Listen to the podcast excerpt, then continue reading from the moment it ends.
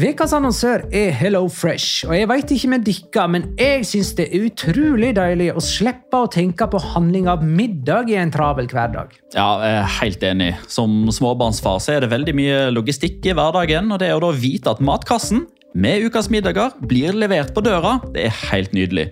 Da slipper du impulskjøp på butikken når blodsukkeret er lavt, og når du kommer hjem, kan du bare ta ut posen med dagens ingredienser fra kjøleskapet og sette i gang matlaginga. Ja, du kan velge mellom 25 ulike retter hver uke. Og de har faktisk en egen kategori som heter Raskt og enkelt, med masse enkle og gode oppskrifter. Veldig greit å ikke måtte ty til takeaway hver gang det er hektisk på jobb. Jeg gleder meg spesielt til sterk chilikylling i min neste kasse. Jeg blir sulten bare av å tenke på det. Ja, Det er ikke feil med bacon og cheeseburger heller, da. Og det som også er bra, er at matkassen koster det samme hver uke, som gjør det enklere å holde matbudsjettet. Ja, og så blir det ikke matsvinn heller, fordi du får akkurat det du trenger til hver eneste rett. Hello Fresh kan absolutt anbefales, og bruker du koden vår, LIGALOCA, kan du få opptil 1779 kroner i rabatt på de fem første matkastene hvis du ikke har prøvd Hello Fresh tidligere. Du kan også prøve koden hvis du har avslutta abonnementet ditt for tolv måneder siden eller mer. Gå inn på hellofresh.no og bruk koden LIGALOCA. Bon appétit! Hallo? Jeg kommer fra Oslo politikammer. Ine Jansen er purk. Er du purk? The motherfucking bitch. Alt jeg vil, er å finne ut hva som skjedde med mannen min. Jon Carew. Er jeg sikta for noe? Iben Akeli. Det er du. Ole So, Lars Berrum og Big Daddy Karsten. Hvem sin side er du på, egentlig? Anette Hoff, Tone Danielsen, Kommer du fra Afrika? Jørnis Josef, Nesten. Kløfta. Trond Espen Seim. Det er synd å si det, men det var feil mann som døde. Purk. Premiere tirsdag på TV2 Play.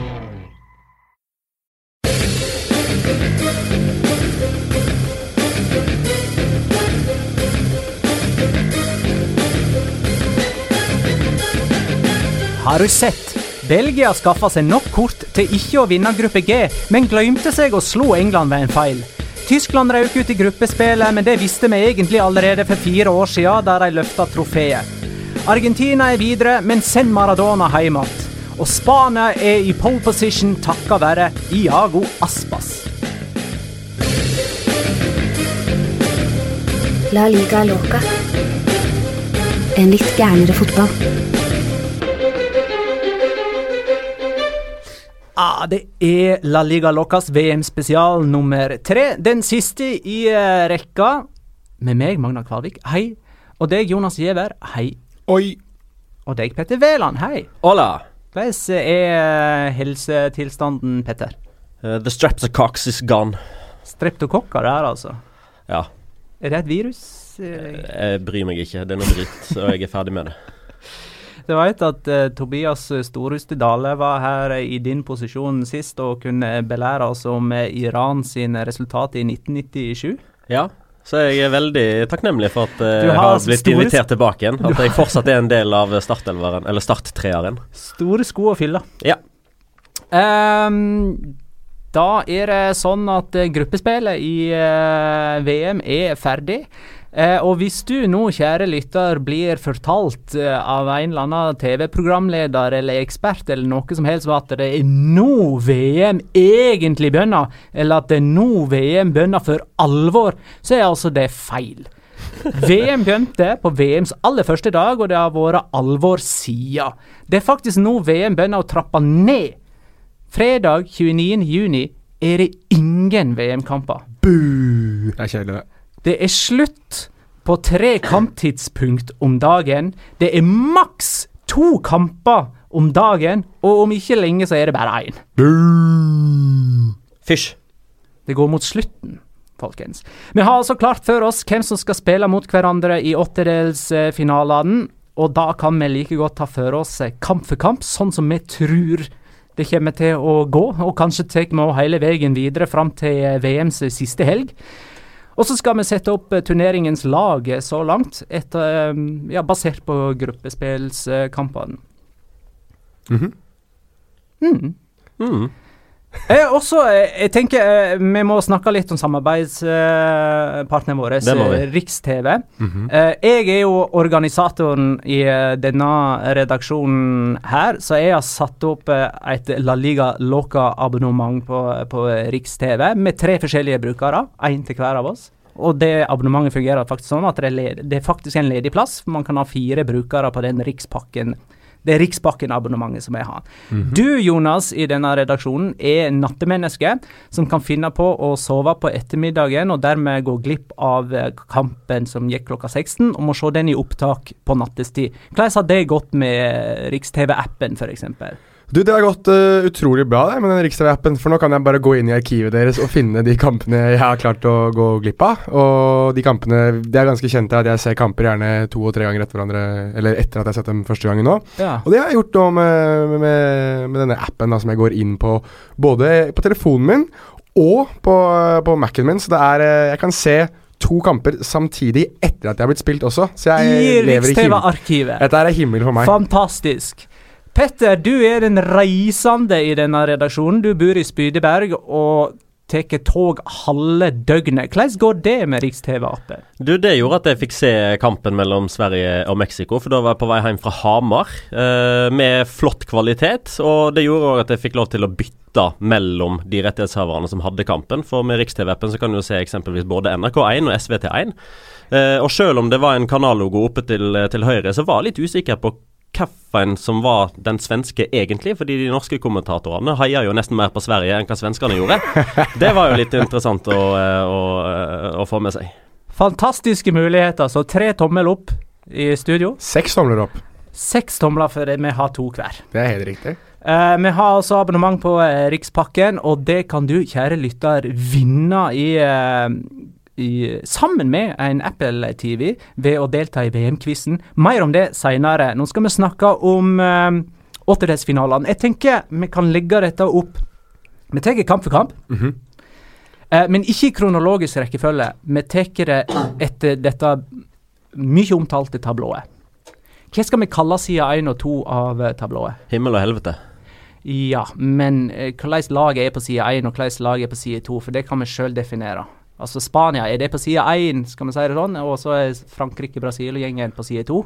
Jeg vil si da, ja, det er jo litt Bare sånn. Vi må nesten bare få etablert Altså det, sånn det, det som vel er, er riktig å gjøre, altså vinneren av gruppe A havner på side 1. OK, Ja, det er da Uruguay. det er Uruguay som da er på side A, ja. Eh, Side én. Side 1. OK, da er Spania på side 2 Ja. av Ja. eh, tablået. Skal vi begynne med side 1 eller 2? 1. Du med en. OK. Da kommer Spania-praten seinere i eh, episoden. Først, aller først eh, det, det må jeg huske. Jakob Berge vil at vi skal slakte Tyskland, som havna sist i gruppa. Han er irritert på oss for at vi kritiserte Argentina, som vi skal hylle, eh, ifølge Jakob Berge. Okay. Så skal vi oppfylle hans sine ønsker først. For eh, Tyskland blir jo ikke med i noen åttedelsfinalediskusjon. Nei, det var vel noen som skrev noe sånt som at eh, hvis eh, Belgia skårer to og eh, England får eh, tre gule kort, så kommer fortsatt tyskerne til å sitte hjemme og se resten av mesterskapet fra sofaplass. Eh, som en sånn der eh, peke nese til at uansett alle disse her, eh, ulike tingene som kan skje i VM, så er det ene solide er det at Tyskland allerede er slått ut etter gruppespillet. Og Det har jo aldri, har ikke skjedd siden 1938 at de har vært ute etter innledende runder i Ja, etter første runde. Ja, Eller i, at de ryker ut i første runde. Ja, for i det er bare utslagsrunder i 38. Ja, for i, i 78 så røk de ut i det andre gruppespillet. Da var det også et gruppespill de røk ut av. Mm. Ehm, men nei, altså, Tyskland har, eh, har de, Det var en sen, sen, sen, sen, sen scoring mot Sverige som eh, De hadde fortjent den litt tidligere i kampen. Eh, mot mot eh, Sør-Korea så stanget de mot en vegg eh, som ikke lot seg rikke. Og, og Mexico så tror jeg rett og slett de undervurderte meksikanerne. Eh, jeg tror at vi snakker om en veldig mett tysk tropp. eh, både mett og kanskje litt uerfaren også. Og jeg syns at de manglet de der enkeltspillerne som kunne ha utgjort en forskjell. Jeg ser spesielt da etter Leroy Sané, som ble vraket fra troppen. Som jeg tror kunne gjort eh, vei i vellinga bare ved å være det, eh, den ekstreme atleten han er, og samtidig den gode fotballspilleren han er. Så prioriteringene til, til Yogi Løv før mesterskapet er selvfølgelig under enhver kritikk. Og prioriteringene underveis i mesterskapet må vi nå begynne å kritisere. Så Tyskland er uh, helfadese, og uh, den største virkelige overraskelsen etter mesterskapet er slakt. Slakt. Er det en forbannelse på VM-vinneren, eller? Er ikke det På de siste fire VM så er det vel bare Brasil som har klart, som regjerende mester, å gå videre fra gruppespillet. Ja, Det klarte de i 2006. Ja, de da vant i 2002, og så røk det vel i kvartfinale. Ja, mot Frankrike i 2006, kan det stemme? Thierry Henry skåra vel kampens eneste mål. Så de fire siste europeiske Mm. verdensmestrene har røket ut i gruppespillet i VM etterpå. Og Det er ganske fascinerende. Det er abs absurd. Ja, det er ganske sykt. Og det er jo ikke noe at de har vært gjennom noen krise heller i den, eh, perio- den fireårsperioden. Eh, Sånn, ta Spania hadde Nei. Del Bosque som eh, de vant eh, i, med i 2010 og to, hadde med seg inn i 2014. Løv for Tyskland. Og ingen av dem var jo kjempeoverraskelser når de vant VM heller. Så det er jo ikke noe sånn at det å ryke ut i gruppespillet liksom det, det normale, mens de overpresterte vilt fire år før. Den eneste som kanskje var litt sånn som, som man kunne se skje, var vel det der eh, Italia-laget i 2010. De var, eh, var mye gammelt ræl og spillere som ikke hadde levd opp til potensialet sitt. Og så lurer jeg på Så jeg ikke sjekke det, jeg kan kanskje gjøre det etterpå, men, men jeg lurer på om det var Roberto Donadoni som var treneren for eh, Italia det mesterskapet der. Og husker noen at Roberto Donadoni var trener for Italia? Ja, jeg husker, men ikke når. Så hvis det var da, så Jeg husker ikke om det var akkurat han da, men det, jeg tror det var han. Jeg skal faktisk sjekke det opp. Men keep going. Jeg eh, las på Calcio Norge i dag at uh, dette er første gangen siden 1930 at du har verken Italia eller Tyskland i utslagsrunder. Dette er den første utslagsrunden uten noen av dem. Og i 1930 så var jo ikke de med i VM, noen av dem, fordi at hele Europa protesterte mot at VM ble lagt i, i Sør-Amerika. Nei, det er en spesiell uh, greie at uh, Tyskland er ute. Jeg må bare innrømme, jeg uh, kommer til å savne dem. Jeg hadde hoppa Brasil-Tyskland allerede i åttedelsfinalen. Hadde vært smooth, men sånn ble det ikke. Det, og så skal jeg innrømme at jeg hadde Tyskland som eh, verdensmester. det hadde jo jeg òg, da. Eh, og vi kunne jo ikke se noen slå ut eh, Tyskland. Nei, enn så lenge den eneste som ikke har kunnet sett noe, og som fortsatt ikke har sett det, er jo eh, Jonas, som lever videre med sitt brasilianske verdensmesterhåp. Stemmer det. Før var det Marcello Lippi som tok over Italia igjen før 2010-mesterskapet. Så han, de hadde faktisk samme trener, bare at han hadde sagt opp etter 2006. Så var det Donadoni, så var Lippi inn igjen. Ja, det var Donadoni, Donadoni som ødela alt, og Lippi klarte ikke å reparere det nok. Vi kan si det sånn. Mm. OK. Da ble vi enige om at side én av eh, tablået er det første vi skal gå gjennom. Der møter Argentina Frankrike. Uruguay møter Portugal. Brasil møter Mexico. Belgia møter Japan. To av disse lagene her er med til eh, VMs siste helg. Det ene spiller finale, det andre spiller bronsefinale. Sagt på en annen måte, to av disse lagene møtes i semifinale. Så disse åtte lagene her må på en måte slå ut hverandre på veien til, eh, til eh, finale. Det er ganske spesielt. Det er fire tidligere VM-vinnere på denne sida. Det er ti VM-trofé de imellom. Skal du ha en morsom fun fact om, om VM og om dette med å være tidligere mester? Har du noen gang lagt merke til at Uruguay har fire stjerner over logoen sin på, på draktene sine? Nei. De har jo da registrert vunnet to VM, i 1930 og 1950. Det er det vi vet at de, eller det de faktisk har vunnet. Det er det vi veit om, ja. Ja, kan vi si. Det er de som, de som i Fifas regi registrerer som VM-seire, men de har to til. Og det er fordi at de vant OL, som var før VM var, var, eh, var da det registrerte verdensmesterskapet. Og Fifa har visst i sine bøker og statistikker har da OL-vinneren som da regjerende verdensmester, og da vant Uruguay to ganger. Så for Uruguay så er de faktisk verdensmestere fire ganger. Vant de 24 og 28, da, eller? Nei, jeg tror 1919 er et av årene. Jeg er ikke helt Ah, ja. sikker på uh, Men det er iallfall før 1930. Uh, de, de regis... Altså, de er iallfall um, uh, Nei, faktisk så riktig. 24-28 er helt riktig. Ja. Det er de gangene de vant uh, gullmedalje, og da registrert seg selv da som verdensmestere. Argentina-Frankrike. Det er faktisk den første kampen, det, så sånt, men ikke la deg lure til å tro at vi kjører dette kronologisk likevel. Messi har skåra VM-mål nå i sine tenår, i sine 20 år og i sine 30 år. Eh, det viktige var jo at han vakna i dette mesterskapet da, og skåra mot eh, Nigeria. Eh, skal vi tro liksom at Messi er der han skal være nå? Jeg syns ikke han gjorde noe sånn kjempemye mer enn den Altså Den første omgangen var utrolig bra Argentina. Det var altså San Paoli-fotball og Messi som fikk gjøre som han ville. og Det var eh, på mange måter et eh, kan vi kalle det, et, et friskmeldt Argentina i 45 minutter. Og så eh, skjedde det som skjer med meg for eksempel, når jeg er omgangsuke, at jeg tror at jeg er veldig veldig frisk og kan, kan leve et normalt liv. Og så kommer da bakdelen med at jeg faktisk, fortsatt er sjuk og spyr og vondt verre da de neste, neste perioden. Som da var de 45 minuttene etter pause, der jeg synes Argentina så ut som det de har gjort i de to foregående kampene. Og um, litt heldige som får den uh, Marcos Rojo, uh, høyrefotvolleyen uh, på slutten der. ikke det bare dyktighet? Ja, det var jo ikke heldig scoring. Eller? Nei, men jeg syns de er heldige som klarer å spille seg opp til, til den sjansen der. Så mye som de blir trykket bakover av Nigeria. Jeg syns ikke Argentina var noe gode.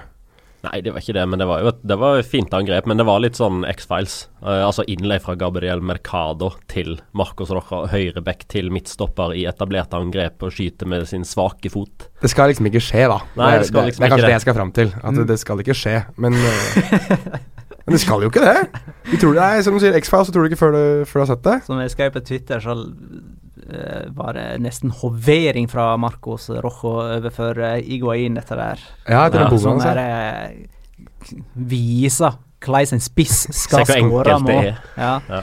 Eh, Var det, skråstrek, er det San Pauli som styrer Argentina? Det virker jo ikke sånn. Nei, det gjør jo ikke det. Det er jo disse, disse bildene som har florert av, uh, av uh, Messi som går bort til benken og snakker med San Paoli, og så spør San Paoli Skal du sette inn på Iguay, eller skal du sette, sette inn på Aguero. Og så går det minutt etterpå, så her er Aguero inne på banen. Så det er nesten så det er litt som at det er Messi som styrer, da. Det er altså disse bildene som florerer, at det er han som tar teamtalken i, i tunnelen før Ja. de skal ut på banen og litt sånn. Men det er jo ikke uvanlig at en kaptein gjør det rett før man liksom entrer banen fra spillertunnelen. Nei, men og jeg hva som har skjedd i garderoben, vet vi ikke. Det vet vi ikke, men nå har det florert så mye prat om at San Paoli på mange måter har blitt avsatt som trener, og at spillerne ikke vil ha han som trener lenger. Og jeg synes det var mye av det Aguero sa etter kampen uh, mot Kroatia også, da han ble spurt om prosjektet. uh, om, og at uh, hadde sagt at dette, dette prosjektet hadde ikke fungert. Og da hadde Aguero bare sett liksom litt tomt inn i kameraet og sagt at han får si hva han vil. Uh, som på, for meg på mange måter indikerer at det er, det er ikke så veldig mange av de spillerne som har lyst til å ha han lenger. Um, det var jo masse rykter om at han, at han hadde blitt sparka og hadde beklaget seg til argentinske folk, og det var liksom en trener som var veldig resignert. Så jeg tror på mange måter at eh, han har fått beskjed av, av den argentinske, argentinske forbundet at du sitter, men du sitter ut mesterskapet som en gallionsfigur. Altså Du er der, og du skal få lov til å si hva du mener, og du leder treningene som, som vanlig. Men, men det, er, det, er større, det er et større demokrati nå. Du sitter ikke på toppen helt alene. Nå må du høre litt på hva de andre har å si, spesielt disse spillerne som har gjort det bra. Ergo Lionel Messi, ergo Sergio Aguero, ergo Javier Macerano, som jeg tror har fått en mye større rolle. Og det kan på mange måter være en, en redning for, eh, for Argentina. Men det som, det som er nesten litt fint for argentinske spillere, er at uansett hvor dårlig de spiller, så har de jo en som presterer enda dårligere oppe på tribunen. Diego Maradona. Ja, jeg eh, Altså, det er ba det, om det er i introen at han kan reise hjem igjen, Ja. men han, han har ikke reist, sant? Han er der fortsatt, eller hva jeg, jeg så han på jeg mener, Han var jo jeg på en sånn TV-kanal. Så ut som argentinsk TV, men jeg, jeg kjenner ikke det godt nok til å Nei, jeg tror han fortsatt er der. Jeg tror ikke han eh, reiser hjem før han faktisk må. Det er så slitsomt. Før han, før han er Det er jo litt Jeg sy- syns det er litt rart at han ikke sjøl på mange måter klarer å, å, å se at han kanskje er mer en byrde enn en, eh, en hjelper, da. Eh, med at når han er der, så fokuserer alle på at ah, se der er Maradona, ah, han vant VM, det har ikke Messi gjort ennå.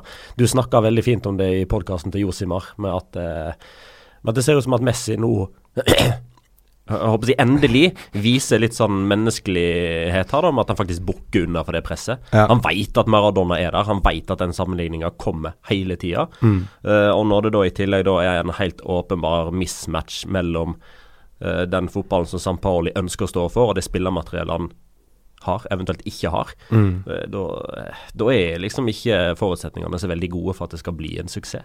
Nei. Han blir så innmari glad hver gang han skårer for eh, Argentina, Messi. Har du sett det? Det er så eh, sånn Sammenligna med når han skårer for eh, Mm. Barcelona. Det, det er som om han mister noen vekter fra skulderen hver gang. Og Men det er så viktig ned på kne. Jeg tror ikke Ja. jeg har sett han gå ned på ja, Kanskje det Han har skåra sånn 1000 mål, altså. Men, men, det, men greia er det at for han så er det ekstremt, ekstremt viktig å kunne bevise for Altså, han vet det selv, men for resten av folket, for resten av de som ser på, at han er argentiner. Han er Altså, han elsker nasjonen sin. Altså, det, Jeg snakket om det eh, både i vår podcast og andre podcaster tidligere, at eh, hvis du legger merke til Messi før hvert mesterskap, så er han veldig flink på det at han tar nesten alle intervjumuligheter han kan, med argentinsk TV, med spansk TV. Til og med, Jeg tror han hadde et uh, dybdeintervju med 442 for et mesterskap eller to siden, hvor han er veldig på det at han skal utbrodere sin, sin, sin kjærlighet og sin tilhørighet til Argentina kontra til Spania.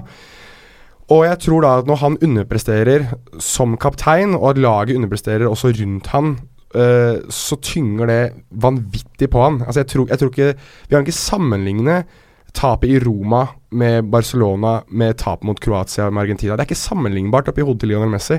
Litt fordi at han har hatt så mye suksess med Barcelona, men også fordi at han vet at det, den dagen han legger opp, så må han Uh, kommer jeg ikke på et bra norsk begrep, men, men på engelsk så sier du 'face the music'. Altså det er, det er den ene tingen han aldri har klart, er å gi glede, gi trofeer, gi suksess til de menneskene han kanskje mest har lyst til å gi suksess, som er sitt eget land.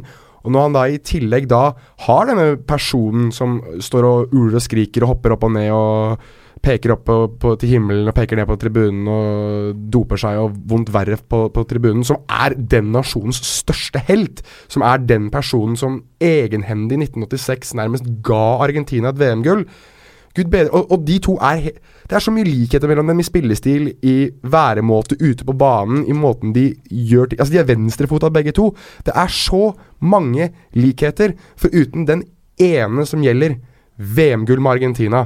Og det tror jeg spiller inn så mye på Lionel Messi, som jeg sa, når han hørte fra supportere, han hørte fra journalister, han hører det mesterskap inn, kamp inn, kamp ut. Hele tiden. At jeg tror nå at han selv har begynt å tro litt på det. Jeg er ikke like god som Maradona, uansett hva jeg gjør. Så dere den uh, videoen med han uh, argentinske journalisten som ga Messi dette Ja! armbåndet ar- armbånd eller halsbåndet halsbånd eller hva det var for noe som mora hans hadde laga? Ja, men, men, men, men sånn Mora til uh, Mora til journalisten. journalisten hadde laga det, og han gir det da til, til Messi. Eh, etter kampen mot mot Nigeria. Nei, ja, han, han brukte det under kampen mot Nigeria. Han ga det til Messi enten før eller etter kampen mot Island. Mm. Lurer på. Eh, og så møttes de igjen i mix-zone, eh, pressesonen, etter kampen mot Nigeria. Eh, og da stiller han et sånt oppfølgingsspørs- oppfølgingsspørsmål. Liksom, 'Husker du meg? Det var jeg som ga deg dette eh, denne lyk- eller hva man Lykkegaven fra min mor. Husker du det?' Og så bretter han liksom ned shortsen og viser liksom ned i støvelen at der har han liksom tatt det rundt foten. Ja, han bretta ned sokken. Ja. Tok ikke av seg shortsen. Du bredde ikke ned shortsen. Det hadde vært litt kult. Det hadde- hadde vært eh, litt verre hvis det var der han hadde oppbevart det. Nei, men ja. Snittalderen til Argentina sine elver mot Nigeria var 30 år og 189 dager. Det er deres eldste startelver i EBM-historien. Andreas Oi. Eliassen lurer på hvorfor får de ikke Dybala sjansen. Eh, Passer ikke inn. passer ikke inn. Funker det da med Di Maria, Messi, Iguain? Altså, det er noe med spydspissen som det, det blir aldri riktig for eh, Argentina, samme hvor god den spydspissen er på papiret. Kommer Iguain til å spille med Frankrike? Mest sannsynlig.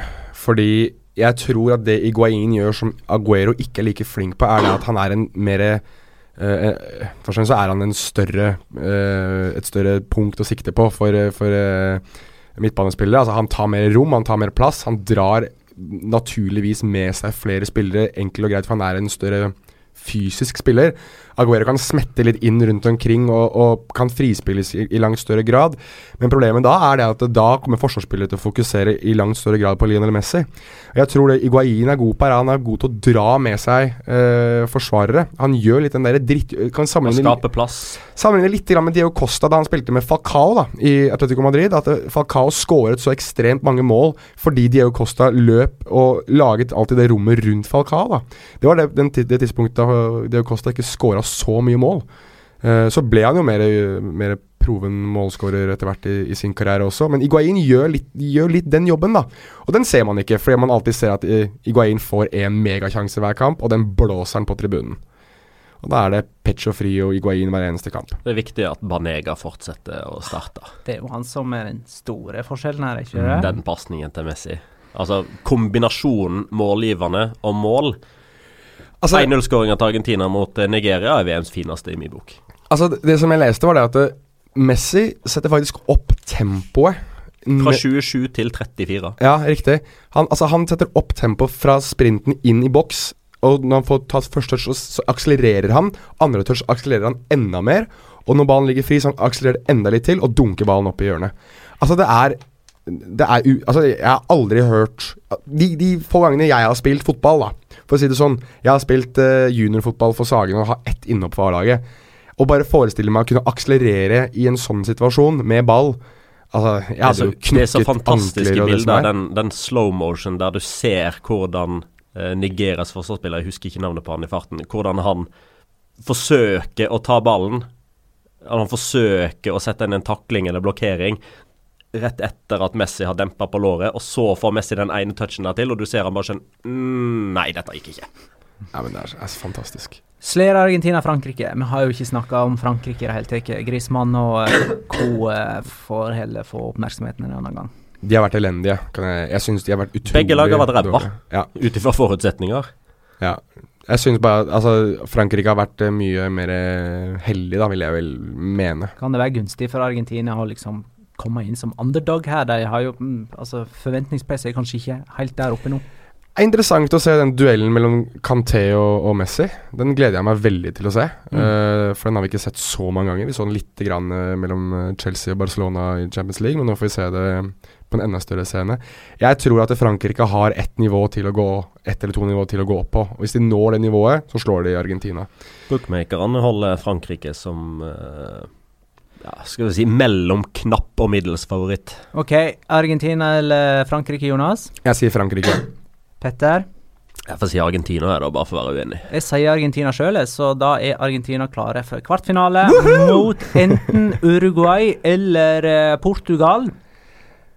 Det var en som skrev der at her er det Sør-Amerikas Portugal som møter Europas Uruguay. Ja, Det er godt sagt, altså. Så, så interessant. Få høre. Nei, Det er jo to lag som på veldig mange måter eh, fokuserer på det defensive og den defensive strukturen, og klarer å skape en, en disiplinert forsvarslinje med, først og fremst før en veldig, veldig aggressiv og offensiv eh, Eller på bakgrunn av en veldig offensiv og aggressiv duo på topp.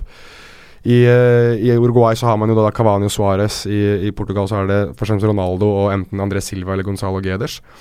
Begge lag har på veldig mange måter klart å, å vinne trofeer eh, på bakgrunn av solide defensive prestasjoner. Uruguay er det eneste laget vel i VM som ennå ikke har sluppet inn mål. Mm um, Perfekt VM så langt. De har vunnet alle kamper uten baklengs. Ja, ja, for all del. Så det er, det er to lag som, som tenker eh, defensiv først, tenker kontringsfotball i stor grad. og som kommer med mange når de først kommer, men det skjer ikke så veldig ofte. Så det er en kamp som jeg kan se bli en veldig tett og jevn affære, der fort dødballer avgjør. Og der tror jeg at uh, det er ett av lagene som har, uh, har en fordel. Jeg skal komme tilbake på etterpå. Og så er det jo veldig mange kule dueller i kampen. Da. Du har Pepe mot Suárez. Uh, du har Cristiano Ronaldo mot Godin og Jiménez. Altså Man har et Madrid-derby i kampen her. nå skal dere få en utfordring. I løpet av fem sekunder skal dere si navnet på en sympatisk portugiser. André Silva. Eh, Gedes. Nei, feil. Fins ikke. Dette her har vi diskutert før for noen år siden, og da mener jeg vi kom fram til en. Nei, vi gjorde ikke det. Tiago kom vi sikkert fram til. Tiago var det. Tiago Mendes. Eh, nei. Han har bare bestemt seg for at ikke det er Kanskje KRS-man kan avleste litt eh, press, press på uh, Cristiano Ronaldo med tribelaen sin. Nydelig. Altså, det, er ikke, det er ikke et mesterskap uten Trevilla-skåring. Altså, han må jo ha vært eh, Han må jo ha gått med skoene feil vei. Eh, altså, på, altså høyrefoten på venstrefoten da han var liten. Det er mulig, det. Det var nydelig å se på de skåringene hans. Men det, det, var så morsomt. Du skulle jo egentlig vært der, Jonas. Hytteturen på, på mandag. Mm. Da, da, satt vi en gjeng og, eh, og, så Vi så jo først og fremst på, på Spania og Marokko, men vi hadde et lite øye på Iran-Portugal òg. Og sånn ca. en halvtime ute i kampen der, da var det en av de som meldte at ah, Kvaresma får vel snart en sånn der eh, med utsida av foten fra utafor 16, da. Eh, og da, når, eh, når førsteomgangen mellom eh, Marokko og Spania var ferdig, så gikk vi ut. Og da hadde vi ikke fått med oss at hadde at Portugal hadde tatt ledelsen, fordi vi, vi registrerte ikke grafikken oppe til venstre. Vi trodde det var 0-0. Eh, og så sjekka jeg Twitter, og så så jeg at uh, liksom første som står der, da var liksom eh, 1-0 Portugal Kvaresma. Så gikk jeg inn på appen til NRK TV, uh, eller Riks-TV på, på NRK, og så sjekka arkivet der. Uh, og så spolte jeg tilbake inn de to minuttene uten å liksom ha sett skåringa, og samla både Kristoffer og Christian Magnus og Magnus og, eh, og Robert, og så sto vi der og så skåringa. Og jeg tror det, skri det kollektive skriket der, det tror jeg de hørte mange mil unna når vi da så at det faktisk var med utsida eh, fra utafor 16. Ja. Det er sånn det skal være. Ja Kabani skåra for Uruguay. Da har han sammen med Suárez skåra i tre VM på rad. Det er verdt å nevne. De er fra samme by, for øvrig. Bitte liten by i Uruguay som heter Salto. Som jeg ikke tror det er eh, Jeg tror liksom det er nesten på størrelse med Drammen eller noe sånt. Ja. Det er altså Det er helt latterlig at Tror du de feirer skåringer og sånn med å ta salto der? Nei, nei, nei, nei, nei. Kom igjen, Magnar. Jeg hørte ikke. Det er bare fjerde gang i historien at Portugal er videre fra gruppespill i VM. Altså Kom ikke det overraskende på dere? 1966, ja, det tippa sånn 2006. 7-8-9, ja, kanskje. 2010, og dette er den fjerde. De var jo i mange år hvor de ikke hadde et godt landslag, da. Ja, det er sant. Ja, sånn gjennom 90-tallet, det var jo ganske bra med Figo og gjengen. Det var jo To, to, 2002, der uh, gikk det videre, gjorde ikke det? Nei. Gjorde det ikke det? Figo, Rui Costa, uh, Simao var kanskje på det Vito laget. Baia. Ja, Vito Baia. de, var, de gikk langt i EM 2000. Det gjorde de. Mm. De røk de tidlig i 2002. Og ja, de, ja, de gjorde det jo. De ble jo knocket ut av Sør-Korea, de. Det stemmer, det. Uh, jeg tror Park Ji-sung skårte mot, uh, mot dem. Det mesterskapet der. Det er mitt første virkelige mesterskap. Uruguay eller Portugal videre, Jonas? Jeg sier 1-0 til Uruguay, og så er det enten Jimenez eller Godin som stanger ballen i mål eh, i det 74. minuttet eller noe sånt. Petter? Uruguay er videre. De vinner Jeg tror heller ikke det blir mange mål. Jeg tror det er Louis som, som skårer med Neso. Det var en på Twitter som mente at de kunne vel bare gå rett til straffekonk, disse her. Eh, men jeg òg sender Uruguay videre. Meksikansk dommer eh, for øvrig. César Arturo Ramos. Tenk Argentina og Uruguay i kvartfinale. Så moro. Det er kulere og krutt. Mm. Brasil møter Mexico. Det er jo Du, du, var inne på forbannelse her eh, rundt, eh, rundt uh, Tyskland og vinneren Ja, vinneren av ja. VM, at de rykker gruppespillet. Her er vi jo inne på en forbannelse. Ja, stemmer det. Fordi meksikanerne er faktisk helt overbevist om at de er forbannet. De kom, kommer aldri til å spille kvartfinale. De har kun spilt kvartfinaler når de har arrangert VM selv. Det har skjedd to ganger. Da har de spilt kvartfinale begge gangene. Ellers så er de nå seks mesterskap på rad, vel, hvor de ikke har gått videre fra åttedelsfinale. De har røket i Ja, åttedelsfinale. men de går alltid videre til åttedelsfinale. men, men, ja. har, sånn? men har de en teori på, på hvordan eller hvorfor de har fått denne forbannelsen? De, nei, det er, de er bare forbannelsen. De, altså, det var Før mesterskapet starta, husker ikke hvilken TV-kanal i Mexico det var, jeg tror det var Telemundo, hadde en, en reklame hvor det var Hvor de startet med at det var et lite barn som satt og så Mes Mexico ryke ut av det første mesterskapet. Uh, hvor han sitter på sofaen og sitter og gråter fordi det ryker ut. Og så er det, ser du Så står det sånn fire år senere, så er han litt eldre. Fire år senere, litt eldre. Og så til slutt så sitter han der som en ganske gammel mann, eller litt, litt oppi åra, da. Og ser igjen da at Mexico ryker ut i åttedelsfinalen. Så det er liksom en generasjon som har vokst opp med det at eh, det, det hviler en forbannelse over Mexico. Uh, og, de, og nå må de jo Jeg tror at Mexico nå må jo tenke altså Hvorfor kunne de ikke bare ha fått et, et helvetes poeng mot Sverige, da? Så hadde de sluppet Brasil. Altså, det var Det lå det, helt til rette for dem, for mm. en gangs skyld. Og, nå, det, og den kollapsen mot Sverige tar de jo med seg jo inn i oppgjøret mot Brasil. Definitivt. Så, så den sjøltilliten de hadde etter seier mot Tyskland, for f.eks., Den er borte. den er antagelig Den har fått seg en knekk. Ja. Og han som skåra sjølmål, kan du hjelpe meg med navnet hans? Edson Alvarez. Nemlig Gikk ikke han grinende av banen sjøl etter at han hadde blitt fortalt at vi er videre, folkens? Jo da. Eller kjære deg, da. Um, Marcelo har ligget på ei ubehagelig madrass, eller hva var det for noe? Prinsessen på erten.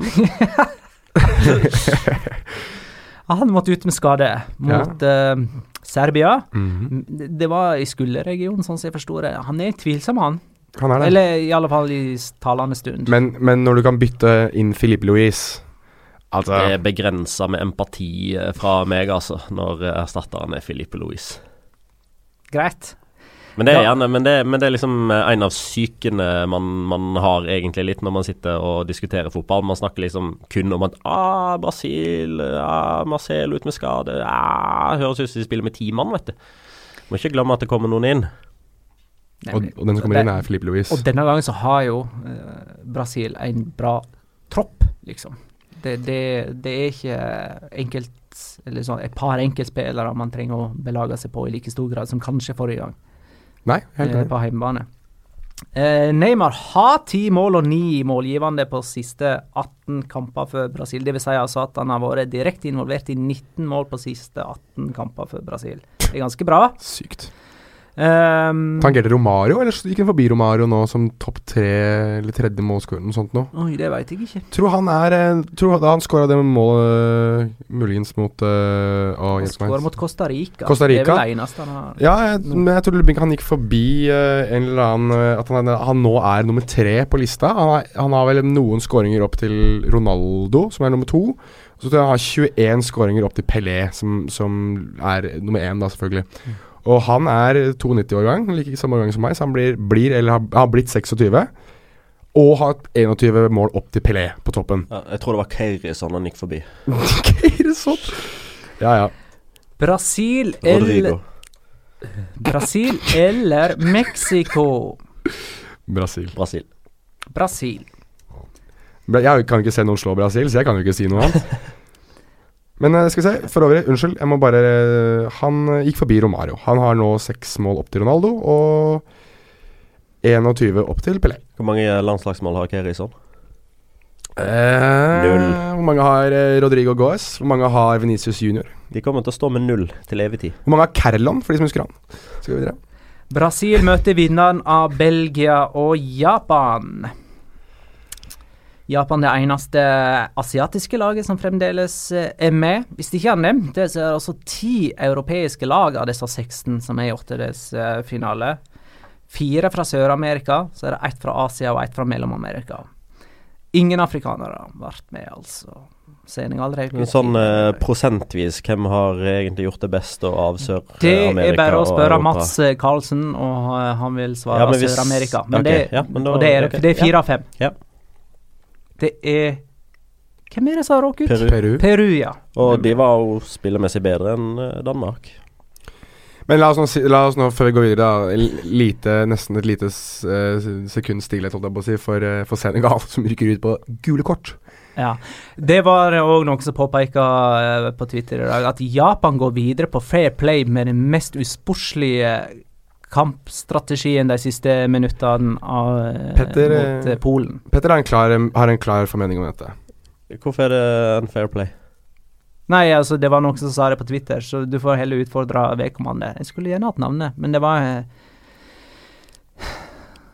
Vet ikke hvem det var. Ja. Nei, altså, jeg, jeg, altså Alle hadde jo gjort det samme der. Eh, men altså, jeg var, jeg var faktisk litt overraska over at Japan turte å Ja. gjøre det. For de var jo bare én skåring i den andre kampen unna å faktisk ryke ut.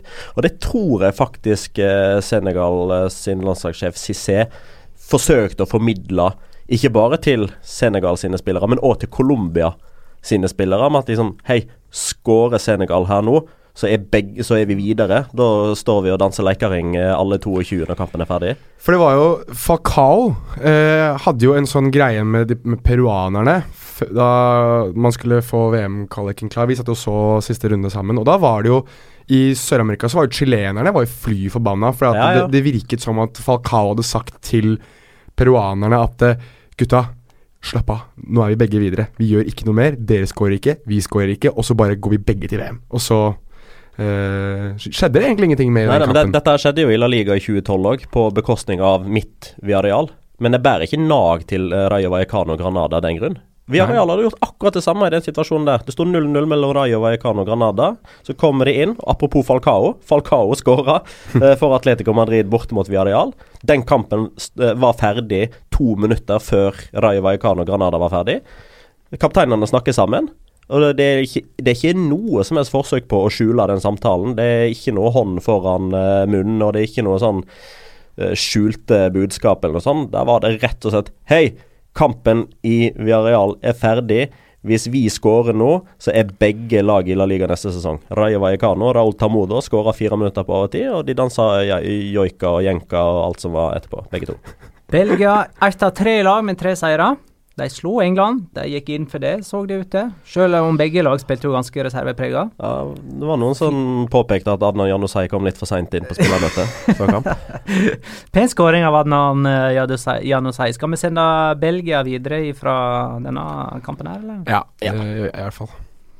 Da blir det Belgia-Brasil i eh, kvartfinale nummer to. Argentina-Uruguay, Ah, Belgia-Brasil. Ja, ja, sånn, ja. Mm. Ehm,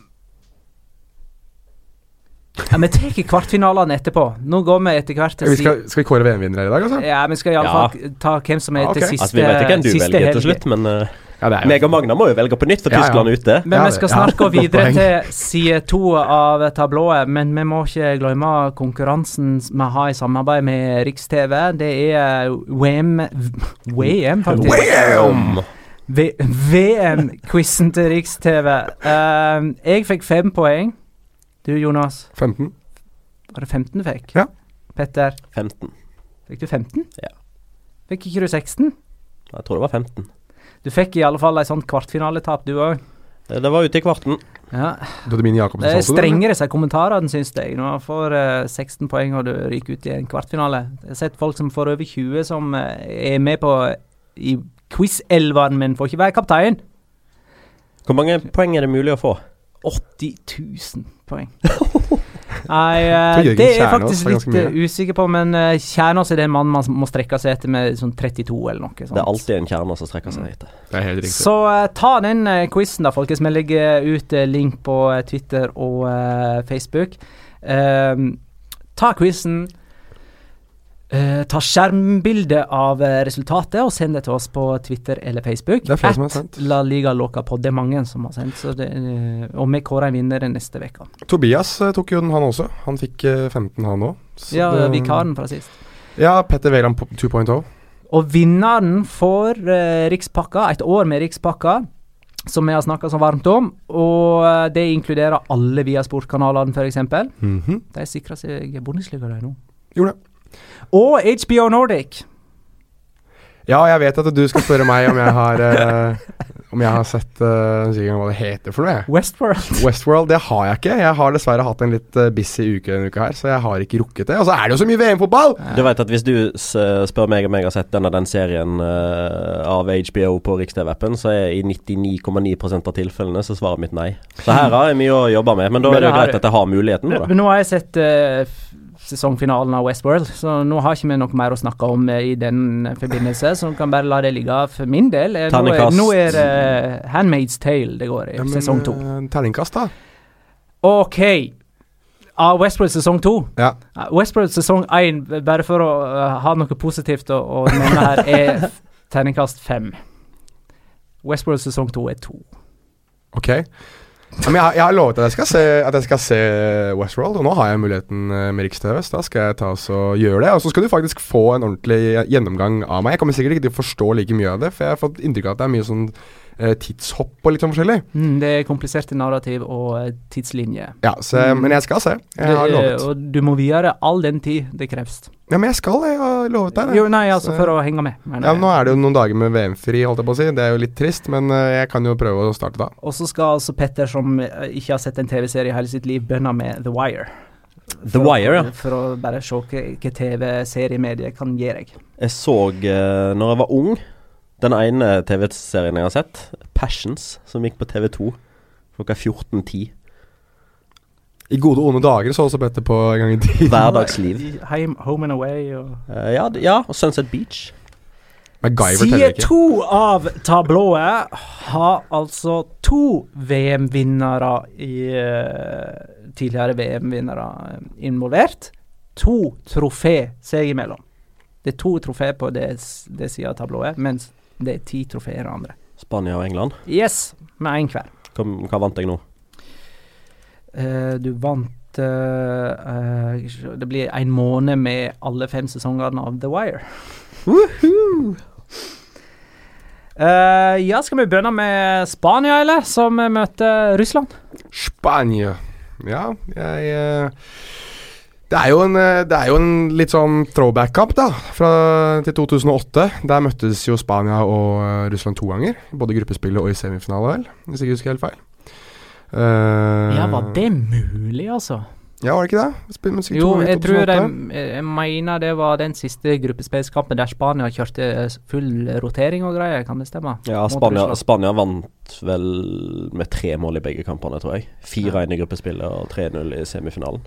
Russland drev jo og herja det mesterskapet der. De slo vel ut Nederland eh, med sånn 3-0 eller noe i kvartfinale. Ja, og Arshavin og på Mm. Det var, eh, det var den kampen jeg husker best, fordi at eh, russerne Nederland var så eh, utrolig slitne til, et, til ekstraomganger at de klarte seg ut å løpe, mens russerne så ut som de bare hadde enda mer å gå på i, inn i ekstraomgangene. Så kan vi jo se dokumentarserien Ikaros, så kanskje kan vi få noe svar på det. det, kalles, Men, eh, det kalles vitamininnsprøytning.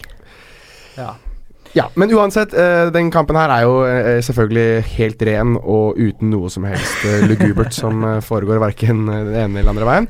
Men jeg synes at Russland eh, viste at de har klare mangler mot lag som er mer disiplinerte og eh, mer strategisk oppsatt, hvis vi, kan, hvis vi kan si det på den måten, enn en Saudi-Arabia og, og Egypt. Jeg synes Uruguay satte de virkelig på plass, egentlig. Eh, de fikk ikke til noe som helst i, eh, i den kampen. Så er det spekulert da om, om russerne egentlig hadde litt lyst til å tape den kampen, for at de kan eh, nå gå hele veien til VM-finalen ved å spille alle kampene sine i St. Petersburg. Nei, Eh, Nei, i Moskva. I Moskva, det kanskje? Det er Losniki. Er det der, ja? Ja, det er der finalearenaen er. Men det blir ikke sånn i kvartfinale. Det blir sånn i åttedelsfinale og semifinale Ja. og finale. I hvert fall så å si nesten hele veien sin på samme stadion, da, som da er et eh, drømmescenario for, eh, for Putin og hans eh, menn, tydeligvis. Så er det vel ikke så ille å være på den sida av tablået heller. Det er det jo ikke. Uh, igjen, da. Jeg er litt, litt, kanskje litt for glad i konspirasjonsteorier, men uansett så syns jeg det er, en, det er en interessant greie. Jeg vet ikke helt hvem som er satt opp som dommer i den kampen der, men det er ikke klart ennå. det er ikke det. Det blir jo ikke da Matheo Laos, men uh, det, jeg, synes, jeg synes den kampen er litt spennende å følge med på um, grunnet ting som dette. Jeg synes uh, hvilken dommer settes opp, Uh, avgjørelser som går i russisk favør, kan jeg se for meg at vi kanskje får. Eh, jeg allerede eh, foreslår at det er eh, Det kan Merkelige ting kan skje i den kampen. Skal du, skal du ha en sånn der, ny Sør-Korea-opplevelse for Spania? Det var jo den gangen da Sør-Korea hadde det, så var det jo et, et regime der som trengte en, en ansiktsløft, da. Som trengte noe som så bra ut for verden utenom. Eh, Det var vil, i alle fall noen helt absurde Ja, dommeravgjørelser. jeg, jeg hørte på, eh, på en sammenfatning av eh, live-oppdateringene underveis hos Cadena Ser eh, når Spania, Marokko og Portugal, Iran ble spilt, når disse to var-situasjonene. Og det de liksom avslutta med, med da, det var sånn Viva el var! Viva el var! Nunca mas Corea del Sur! Nunca mas Corea del Sur!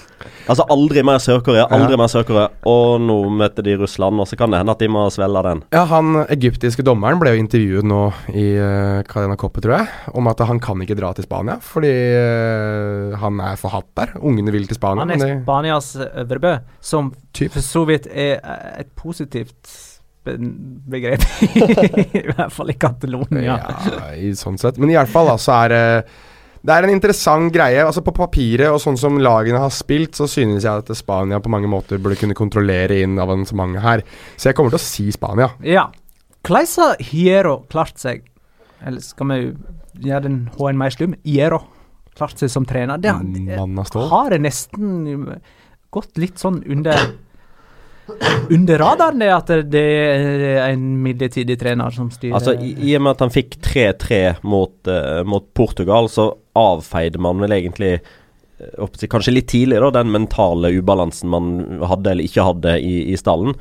Men uh, det, er, det er ganske mange som har vært litt kritiske til uh, Gjerre og kampledelsen og bytter, eller manglende bytter, eller feilbytter og manglende grep underveis. Så altså, Spania er Altså Hvis man ser litt svart-hvitt på det, da, så er Spania akkurat der de skal være. De vant gruppa si. De har fått Russland. De havna på riktig side av tablået. Eh, vinnersjansene deres har økt fordi Tyskland er ute og de havna på riktig side av tablået, mens Brasil er på den andre sida. Eh, så sånn sett så har ting gått veldig bra. Men de har jo ikke vært så veldig bra. Bruddstykker periodevis så ser man at de, de, de finner hverandre, og pasningsspillet sitter, og tempoet er såpass høyt at motstanderne ikke klarer å henge med i svingene. Spesielt den uh, utligninga mot, uh, mot Marokko er jo strålende. Mm. Uh, et av de bedre lagmålene i VM til nå. Men man ser jo òg at Sergio Ramos sover i timen ganske ofte. At de er temposvake i midtforsvaret. At de litt for ofte har for stor avstand mellom midtbanen og forsvaret. Busquets blir litt for alene. Og nå blir det jo faktisk spekulert i at Gjerro føler litt Altså, Fernando Gjerro, vi skal ikke glemme hvor stor han er i spansk fotballsammenheng med de merittene han har, eh, med den Real Madrid-bakgrunnen, med landslagshistorien. Han har vært eh, sportsdirektør i det spanske fotballforbundet. Det er en stolt mann som ikke skal ha noe av eh, at det sitter kritikere på radio og på TV og sier at her har ikke han lagt noe som helst hånd på verket. Det spekuleres nå i at han vurderer, understreker vurderer, og, og vraka eksempelvis David De Gea fordi han ikke har uh, hatt mer enn én redning på sju skudd som har truffet mål. Seks av de har gått inn. Én ble riktignok annullert for offside. Ja, ok, den okay. Ja, Han tok ikke det, den det fra, fem, ja. fra, Iran. Mm, fem baklengsmål har de. Ja, de har fem baklengsmål, i tillegg til den som, som han Mm. da heller ikke tok. Og han vurderer òg muligheten for å sette inn på Nacho Fernandes på sentral midt, sammen med Busquets. Jeg vet ikke om du nevnte det, men det er Kepa som eventuelt kommer inn som keeper. Kepa Arita. Balaga, ja. Og Nacho inn på midtbanen. Jeg, jeg har mine tvil til at det skjer, men én ting som jeg gjerne skulle se Det kan godt hende at det er noen som, eh, som klør seg litt på haka nå. Uh, neppe over av, uh, av at jeg vil ha inn Aspas. Det, for, folk skjønner min forkjærlighet for Aspas, men jeg vil ikke ha han inn for Costa. Jeg vil ha han inn for Silva. For han har vel ikke imponert. David Silva, Mesut Özil, Timo Werner. Topp tre skuffelser i VM for min del nå spillemessig, ut fra forventninger. Mm. Ser den. Iago Aspas har fem mål og tre målgivende på siste åtte landskamper. Altså åtte målpoeng. Et bedre snitt enn Neymar der, altså.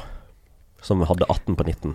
Nei, jeg tror det var omvendt. Han har 19 på 18. Ikke så bra snitt som Neymar der, altså. Bare pass på at Iago Aspas ikke får ta cornere. Du òg.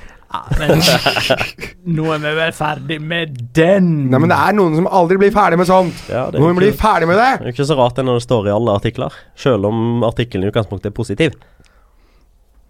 Men det var ufattelig viktig skåring av Aspas. Uh, altså, det dramaet som var der mot Marokko, Mm, det var skikkelig, altså. Og uh, igjen, eh, Marokko imponerer jo.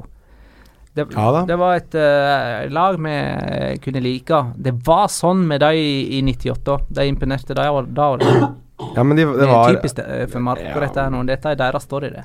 Altså, jeg, jeg har jo sagt uh, on record og off record og det som er, at det, foruten Marokko, så er det Spania jeg heier på i, i VM. Uh, men det er jo Det var ordentlig vondt å sitte der og se at det var teknologien eh, på mange måter ødela litt den der ene marokkanske gleden man kunne få da ved å slå Spania. Selvfølgelig så er det riktig av VAR å annullere, eller at eh, VAR går inn da og hjelper dommeren med å annullere Skåre, eller eh, gi skåringen til, eh, til Aspas da, da den først ble annullert. Ja, for det var først, all, Først annullert, annullert- så det annullert. var faktisk en videodommerinngripen som endra på en opprinnelig Ja, altså den, som fortalte dommeren at han burde endre på det, og da gjorde jo han det. Eh, som er helt riktig, det er ikke noe, noe å si på. Men, uh, men altså at det er Botaib da, som har vært helt uh, naken i mesterskapet, og Josef N. Nesri, som kanskje har tidenes heading, som er målskårerne for, for Marokko. Men altså, vi må få Altså, vi kan ikke la denne podkasten gå uten at vi nevner mannen som står stille og hamrer til.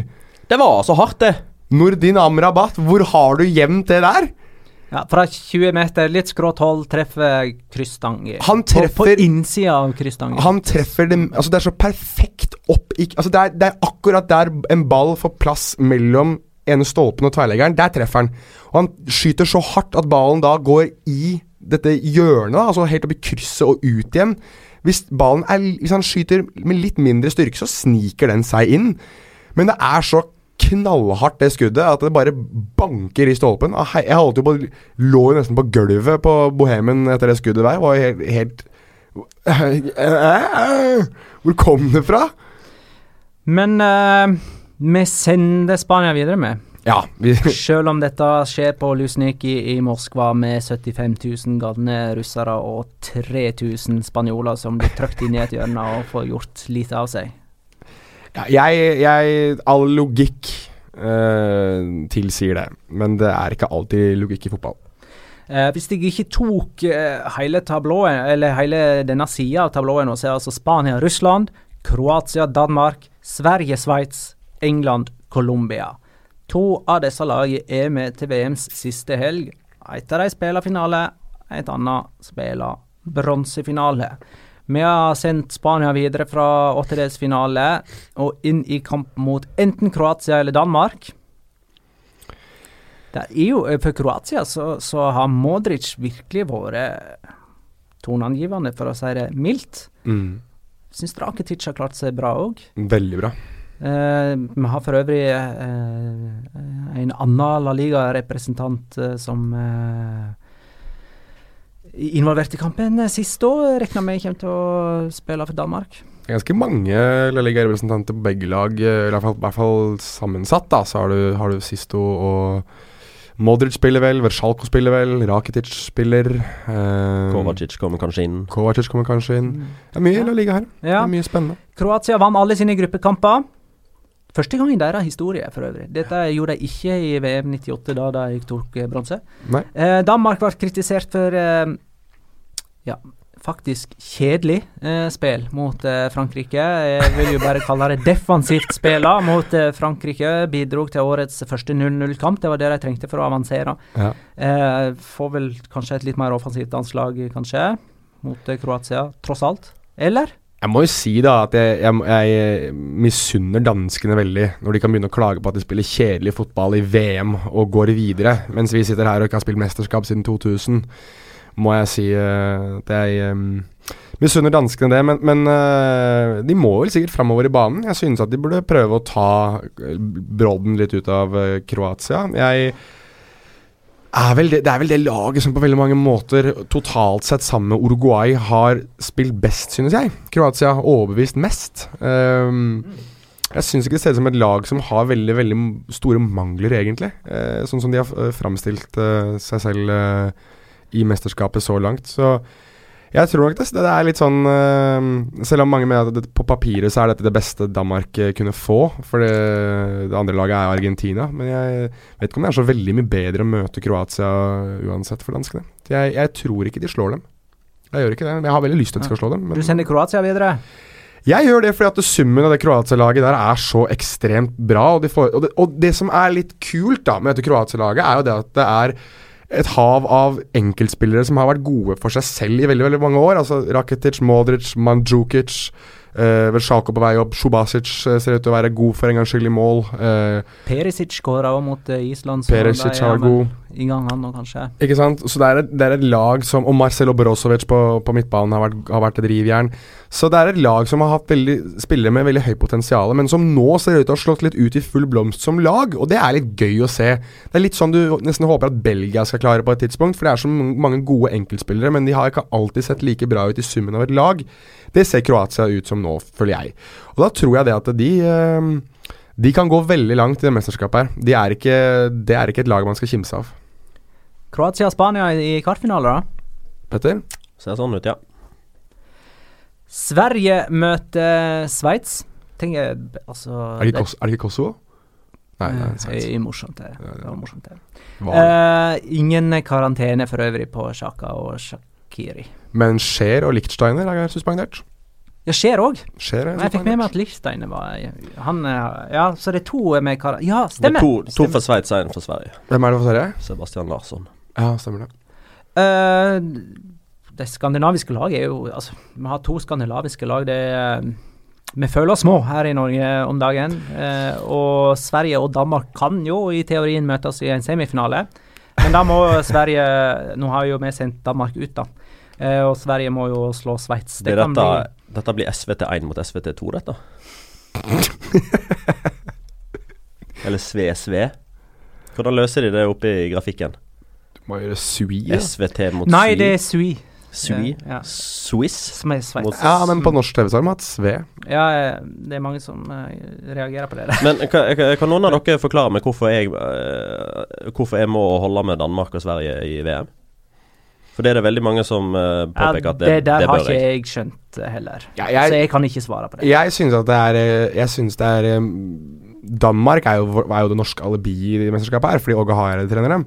Så den skjønner jeg litt. Jeg skjønner ikke Sverige noe særlig, men jeg tenker det at ja, man støtter naboene sine og det, der, altså, det, er, det er en logikk der. Jeg er ikke enig Ja, men Hvis. Atletico Madrid ryker ut av Champions League, så håper jo ikke de at Real Madrid går lenger fordi Nei, det er naboene. Uh, Vålerenga har aldri vært bestevenner med naboene fra Lillestrøm heller. Nei, men det er vel litt det at hvis Rosenborg gjør det bra i Champions, Champions League, så skal hele Norge heie på Rosenborg. Jo, men det er jo samme land.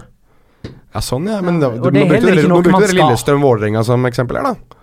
Det er heller ikke noe man skal. Det, man følger egne følelser på Nei, men i, til- altså, i Vålerenga og Lillestrøm-tilfellet så regner jeg med at det er typ i Eliteserien, og der konkurrerer man på samme vilkår. Danmark, Norge, Sverige konkurrerer på samme vilkår for alle landslag. Eh, Rosenborg-diskusjonen blir litt annerledes fordi man man kan faktisk da få en fordel av det. Går Rosenborg langt i Champions League, så øker det koeffisientpoengene, som gjør at i stedet for at det er fire lag som går til, til Europa, så er det fem. Men du, det er vel litt annerledes å ha en norsk representant i Champions League enn å ha skandinaviske representanter i store europeiske Ja, men- eller, Åge Hareide-resonnementet, det, det kan jeg kjøpe. Som gjør at eh, hvis Ja. Danmark går videre mot Kroatia, så kan jeg glede meg over det. Ja, men på vegne av Åge Hareide. Men hvorfor skal jeg håpe at Sverige skal gå videre? Jeg sier ikke at du De blir bare enda mer cocky og eplekjekke. eplekjekke. det er ikke du som sier det heller nødvendigvis, eh, Jonas, Nei, men bare- får gjerne det inntrykket av eh, ja, rettighetshavere. Ja.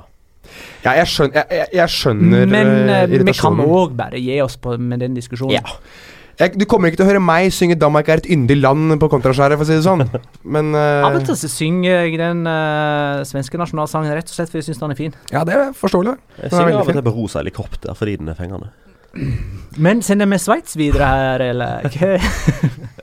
Nei, vet du hva, jeg sender Sverige videre. Du sender Sverige, Petter. Jeg sender Sveits videre. Shit, nå ble jeg usikker. Jeg syns, eh, jeg synes Sverige Sverige er ganske solide. Hvis Grankvist uh, på skårer for Sverige, da er det greit.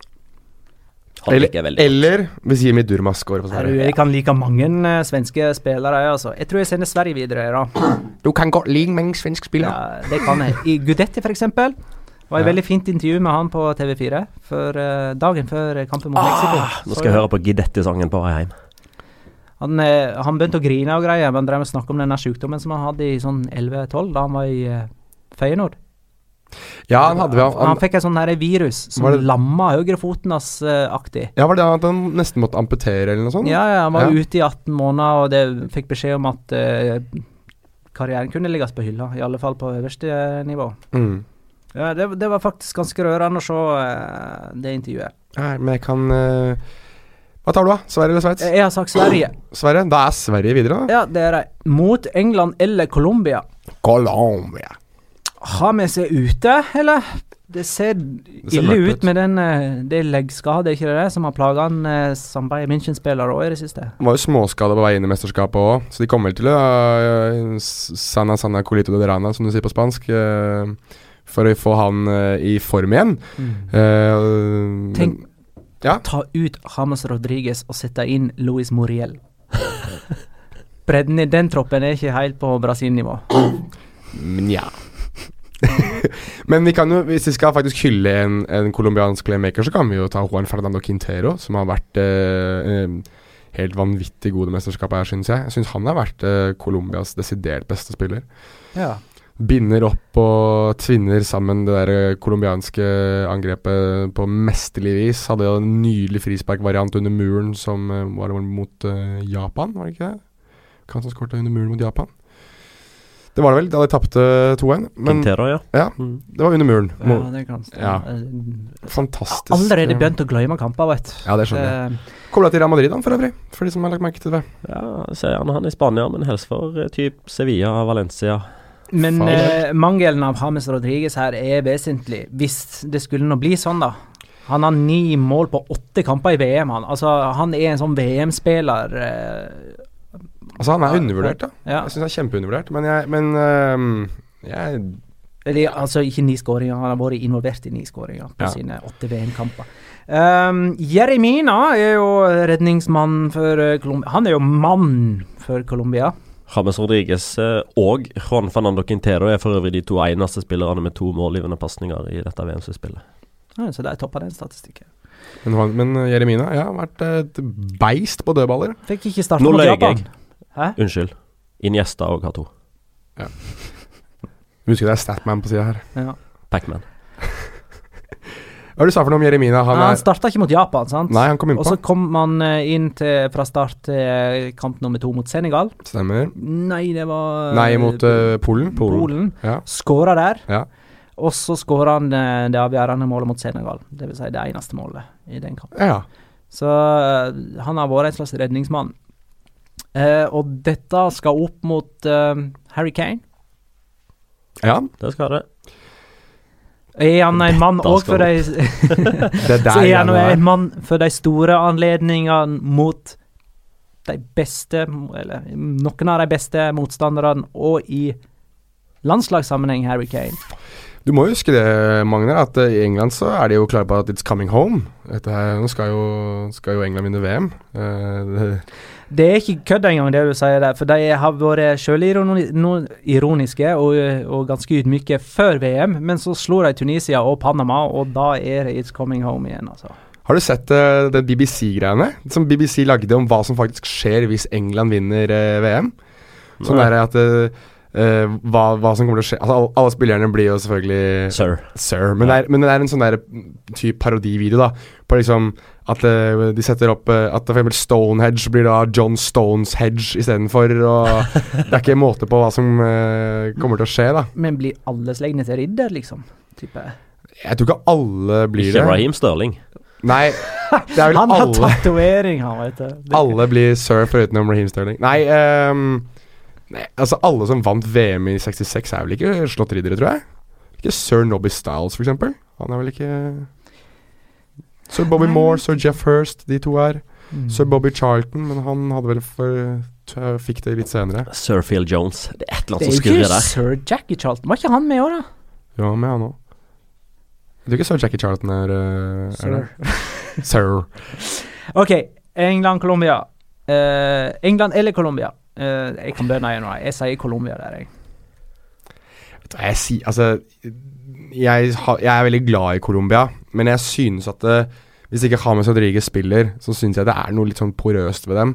Mm. Jeg syns ikke den midtbanen deres har overbevist. Jeg er ganske skuffet over Jefferson Lerma. Jeg syns han skulle vært eh, mer eh, beinhard på midten, sånn vi har sett han i, i Levante, hvor han har på en måte prestert ganske bra mot store lag. Jeg syns ikke han har kommet til sin rett i, i VM. Og jeg, altså Peckerman klarer ikke å velge mellom han og Wilmar Barrios, så jeg, tror faktisk England slår Colombia. Ja. England. ja. Det var greit, det. Her var jeg veldig i tvil sjøl. Så det er helt greit å sende England videre i kvartfinale mot Sverige. Det er jo en, det er jo en VM-klassiker, Sverige mot England. Ja, det, Den kan jeg glede meg til. Den spiller Men mot da, da skal vi Vi tar kjapt nå. Ja. Kvartfinalene. Ja. Og så sender vi eh, lag videre helt til finale. Okay. Argentina-Uruguay. Uruguay. Argentina. Jeg sier Argentina sjøl, ass. Argentina klarer for semifinale. Right. Brasil-Belgia. Brasil. Brasil. Brasil. Brasil-Argentina i semifinale nummer én. Yum. OK. Spania-Kroatia. Spania.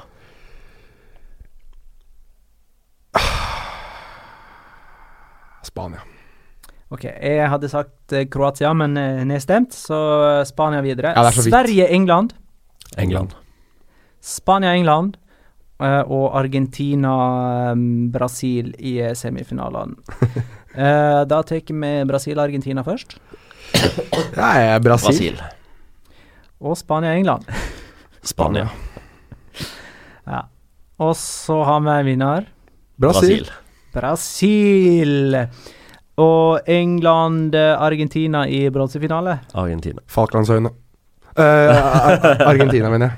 Ja, der sier jeg England, men uh, da blir altså Argentina, da. Ja, men OK. Da er Brasil uh, mester. Spania nummer to, Argentina nummer tre. Skal vi ta og sette sammen uh, gruppespillets lag, da? Ja. Det har vi jo for så vidt allerede gjort Kan på vi bakrommet, men eh, vi tar eh, Kan jeg gjennomgangen her. Kan jeg komme med et forslag til noe vi ikke har snakket om på bakrommet, som jeg gjerne vil eh, spørre om vi kan ta? Vi, Ja. vi har jo alle sammen sett et, de aller fleste kampene i gruppespillet. Er det, er det noen som har et mesterskapets øyeblikk så langt? Sånn Ja, for min del så kom det i kveld. ja, kom igjen. Mitch Bacciao, som eh, druser ballen i stolpen og i eget hode etter at Adnan Janusai har eh, sendt Belgia-ledelsen. Den er fin, den. Magnar? Jeg tror jeg må tenke litt mer på den. Kan ta midt i mellomtiden, da. Uh, og det må jo bli altså, det, den dramaet rundt uh, hodeskallen til Nordin Amrabat. Og uh, at han spiller med hjelm, det er jo for så vidt greit. At det, han så ut som han hadde hjelm på feil vei, det er jo veldig amrabatish å klare. Men øyeblikket er det etter 15 minutter, hvor han bare blir lei av den der helvetes hjelmen og bare drar den av seg og flinger den bortover mot uh, den marokkanske benken og bare suser videre på tidenes returløp. Det er, eh, den kampen der mot uh, Portugal, det er um, Av en enkeltspiller så er det den beste prestasjonen i mine øyne. Litt, men det er selvfølgelig Selvfølgelig grunnet bakhistorien mellom meg og Nordin Amrabat, men Altså, Det var vel Petter som, som la det ut på, på Twitter, at uh, kommentator uh, Christian Nilsen påpekte at Nordin Amrabat er jo overalt! Og det var han i den kampen. Helt riktig. Hadde han skåret den kampen der, så hadde jeg nok måttet gå med Amrabat-drakt uh, neste året. Jeg hadde faktisk forresten på meg det i løpet av kampen. Men uh, bønn med laget, da. Det er dere som har fått uh, Nei, men du må- du må jo ta et øyeblikk. Ja, jeg, får, jeg må tenke mer på det. Ja, men da får du ta det etterpå. Ja, men jeg tar eh, Argentina-Nigeria. Uh, Marcos Rojo øyeblikket. Ja. Og da Messi henger rundt halsen på Rojo. Det- Ikke, ikke Maradona på tribunen, Nei, også. han har jeg sletta fra minnet. okay, 3-5-2. Jeg vil gå for 3-5-2. Vil du starte? Du Jeg kan ta keeperen, da, siden uh, mitt valg ble trumfa gjennom. Eller, det er jo meg og deg som har krangla litt her, og har vi vært uenige, så har Magnar uh, avgjort. Uh, Mm. og han kom med eh, med det riktige valget her. Eh, for i mål så har vi valgt eh, etter litt debatt, Fernando Moslera. Mhm. Um, han har Han har ikke vært outstanding, han har ikke trengt å være outstanding, men han har tatt alt som har kommet. Sju skudd på mål. Han har redda alle. Den eneste keeperen som har stått tre kamper, og som ennå ikke har sluppet inn mål. Så da faller valget på han, eh, men tøff konkurranse eh, av en mann som skal sitte på benken, Jonas. Det er eh, Yoo Yon Woo. Det er keeperen til Sør-Korea som eh, Ja, jeg føler har hatt det absolutte aller beste mesterskapet for keepere. Han har riktignok sett laget sitt ryke ut av VM, men det er i hvert fall ikke pga. han, for han har hatt pantersprang og vondt verre i hver eneste kamp han har spilt. Han har uh, hatt et mesterskap som overgår enhver keeper for meg. Han har hatt noen redninger som du sjelden ser noen keeper uh, ta. Uh, en åpenbaring for meg, dette mesterskapet her. Og jeg synes at når han da i tillegg også låser buret mot regjerende verdensmester Tyskland, så uh, hadde han fortjent å få en plass i laget. Ehm, men det får han ikke, fordi vi har valgt Eller dere har valgt Fernando Muslera. Kanskje bitte liten shout til Kawashima, som eh, i mine øyne har hatt den sykeste redningen når han eh, rekker bort langhjørna eh, på headinga fra, fra Polen i dag. Og hadde det ikke vært for at Ochoa plutselig åpna alle sluser mot Sverige, så hadde jo han vært en god kandidat. Han har mange ulike måter å skrive navnet sitt på. Chu Yon-woo, Yu Yon-woo Vi sier eh, Vi sier Wu vi. Vi sier Woo! Yon-woo. Midtstopper, da. Da har vi tre stykker. Ja. Uh, Førstemann, bankers. Uh, etter mitt syn den beste, eventuelt nest beste spilleren i mesterskapet, ikke bare i hans posisjon, men totalt. Diego Godin. Har ikke tapt en eneste duell, bortsett fra et par-tre stykker mot Arten Zuba, men da var det i visshet om at eh, OK, Zuba, du kan godt få lov til å heade ballen inn i bakrom, men der er det ingen, så vær så god. Eh, og viste jo eh, en gang for alle hvem som er sjefen i lufta, da han knuste Zuba og tvang fram den returen som gjorde at Kavani fikk skåringa si. Og ja, helt outstanding til nå. Verdens beste midtstopper. Ja. Nummer to på disse midtstopperne da er også en vi var eh, klink enig i alle sammen med en gang, og det er da Grankvist. Granen. Granen på, på Sverige, som har eh, skåret på straffe og vært eh, en To ganger. To ganger. Vært en leder i forsvaret for, eh, for svenskene, både i tap mot Tyskland og seire mot Mexico og, og Sør-Korea. Spesielt den kampen mot Sør-Korea var han ekstremt god, der han spilte ball inn i bakrom og avanserte med, med ball i beina. Vært, eh, etter min mening, Sveriges eh, desidert beste spiller. Vært eh, sammen med Godin De to som jeg syns har vært best da, som, som, som stoppere, og en spiller som jeg ikke hadde store forventninger til. Og så var vi litt eh, på eh, ja, Vi var litt usikre på den tredje, men vi falt ned på Jeremina. Eh, det sto mellom han og John Stones. Egentlig ganske mye likt sånn sett. De har begge skåret to mål. De har begge bare spilt to kamper. Lagene deres har vunnet de to kampene de har spilt, mens laget deres tapte den kampen de ikke spilte. Men Stones spilte mot litt enklere motstand, mens Jeremina har spilt mot vanskeligere motstand, og skåringene hans var i enda større grad avgjørende, så det blir Jeremina. Stemmer det. Skal vi ta de et... Nei, vi tar vingbekkene. Skal vi eh, starte med høyre vingbekk, da, for det er vel den som er mest moro for, eh, for uh, min del. Det er jo mannen som starta som uh, back i første kamp i VM, eller for laget sitt mot Iran. Nordin Amrabat.